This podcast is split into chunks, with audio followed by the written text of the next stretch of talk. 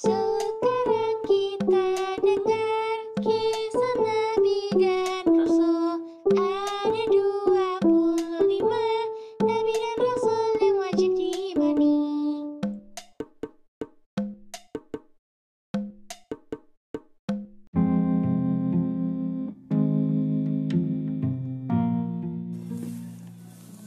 Assalamualaikum. Kali ini aku akan menceritakan tentang kisah keluarga Nabi Adam alaihi salam semasa di bumi. Oh iya, buat kalian yang belum mendengar kisah Nabi Adam yang sebelumnya, kalian bisa cek di podcast aku di episode sebelumnya ya. Oke, yuk kita mulai. Di bumi, Nabi Adam alaihissalam menjalani kehidupan yang penuh perjuangan untuk menghidupi dirinya. Sumber kesedihan yang terbesar adalah Hawa.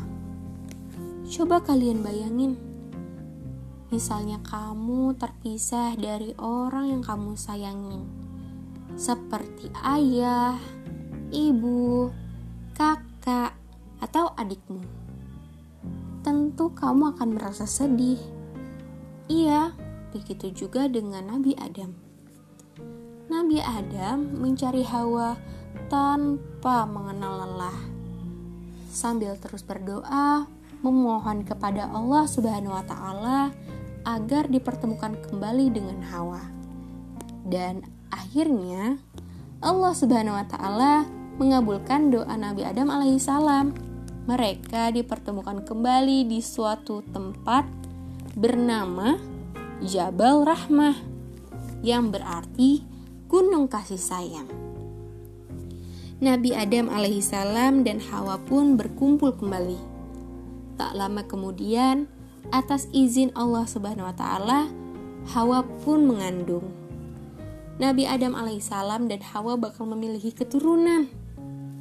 Ketika tiba saatnya melahirkan, Betapa bahagianya Nabi Adam alaihissalam dan Hawa ketika mengetahui bahwa mereka dikaruniai sepasang anak kembar. Bayi laki-laki diberi nama Kobil dan bayi perempuan diberi nama Iklima. Selang beberapa waktu kemudian, Nabi Adam alaihissalam dan Hawa di, kembali dikaruniai sepasang anak kembar. Bayi-bayi itu diberi nama Habil dan Liuza. Setelah mereka dewasa, Allah Subhanahu wa taala memberi perintah agar mereka menikah untuk meneruskan keturunan. Karena belum ada keluarga yang lain, atas petunjuk Allah Subhanahu wa taala, Nabi Adam akan menikahkan Kobil dengan Liuza dan Habil dengan Iklima semua anak patuh pada perintah Nabi Adam, terkecuali Kobil. Kobil tidak mau menikah dengan Liuza. Ia ingin menikah dengan adik kembarnya sendiri. Karena menurutnya Iklima lebih cantik. Namun pernikahan seperti itu dilarang oleh Allah Subhanahu wa taala. Nabi Adam alaihissalam merasa cemas ia memohon petunjuk kepada Allah Subhanahu wa taala untuk menyelesaikan masalah itu.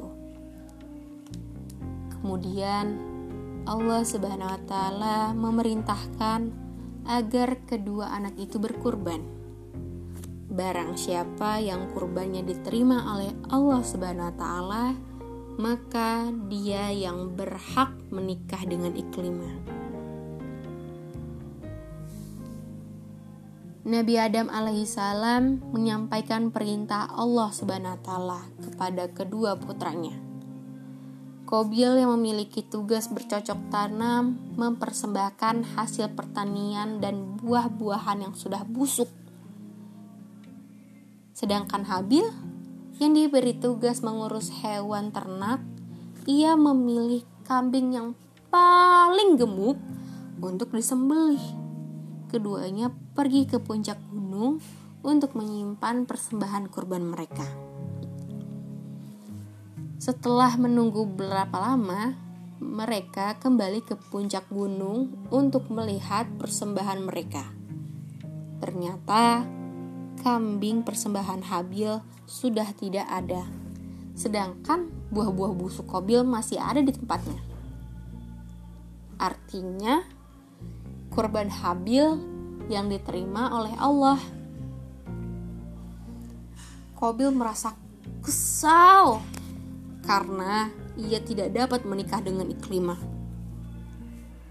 Pada saat Kobil gelisah, setan melihat peluang untuk menggoda Kobil dengan pikiran-pikiran jahat. Wahai Kobil, kamu harus menyingkirin saudara kamu itu. Kan jika dia tidak ada, kamu bisa menikah dengan Iklimah.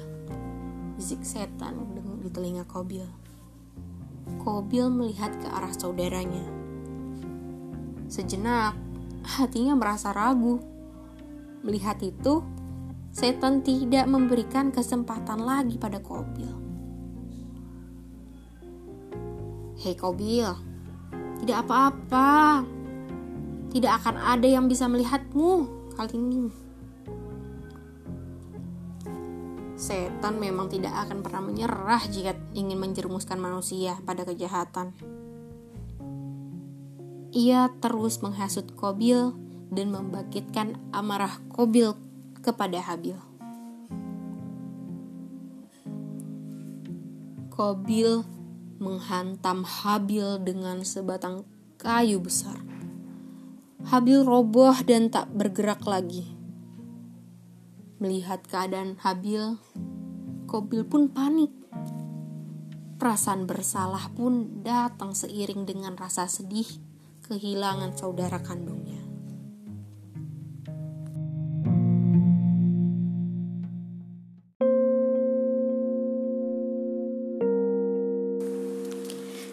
Kobil menyesali perbuatannya, tetapi tidak tahu apa yang harus dilakukan ia tidak ingin meninggalkan adiknya, tetapi terlalu takut untuk membawanya pulang. Lalu Allah Subhanahu wa Ta'ala memberinya petunjuk lewat tingkah dua ekor burung gagak yang berkelahi sampai salah satunya mati. Kobil menyaksikan burung gagak yang masih hidup menggali lubang di tanah dengan paruhnya. Setelah lubang cukup dalam, Gagak mendorong lawannya yang mati ke dalam lubang dengan paruhnya. Kemudian, gagak itu menutup lubang dengan tanah hasil galiannya tadi. Lalu, Kobil meniru perbuatan burung gagak tadi. Ia mengubur jenazah adiknya seperti burung gagak mengubur burung gagak yang lainnya. Kobil menatap gundukan tanah berisi tubuh Habil yang sudah tak bernyawa. Air matanya menetes tanda penyesalan. Kobil tidak pernah kembali ke rumah karena ia tak sanggup menghadapi kedua orang tuanya. Meskipun demikian, Nabi Adam alaihissalam mendapat kabar dari Allah Subhanahu wa taala mengenai peristiwa tersebut. Nabi Adam alaihissalam dan Hawa sangat sedih kehilangan putra-putra mereka. Hanya ketakwaan kepada Allah Subhanahu wa taala yang mampu mengurangi kesedihannya. Selanjutnya, Nabi Ala, Nabi Adam alaihissalam kembali menjalani kehidupan di muka bumi. Ia hidup sampai usianya mencapai seribu tahun dan dikaruniai banyak keturunan. Di antara keturunannya itu ada yang menjadi nabi, yaitu Nabi Syeds alaihi salam. Dari Nabi Nabi Syeds alaihi salam lah ajaran Allah Subhanahu wa taala diteruskan sampai ke nabi-nabi berikutnya.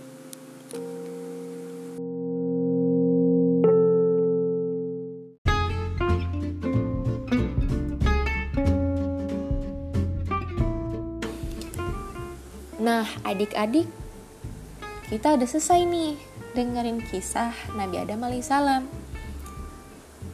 Kalian Masih ingat nggak Nabi Adam alaihissalam diciptakan Allah dari apa?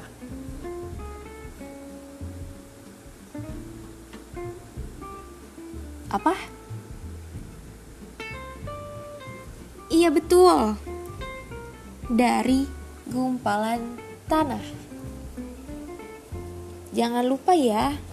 Oke. Kita ketemu di episode berikutnya. See you.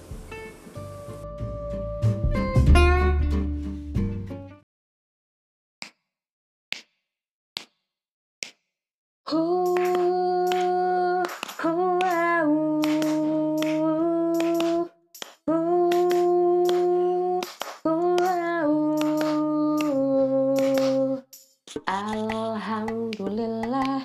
kita telah dengarkan dengarkan salah satu kisah Nabi dan juga Rasul Juga Rasul.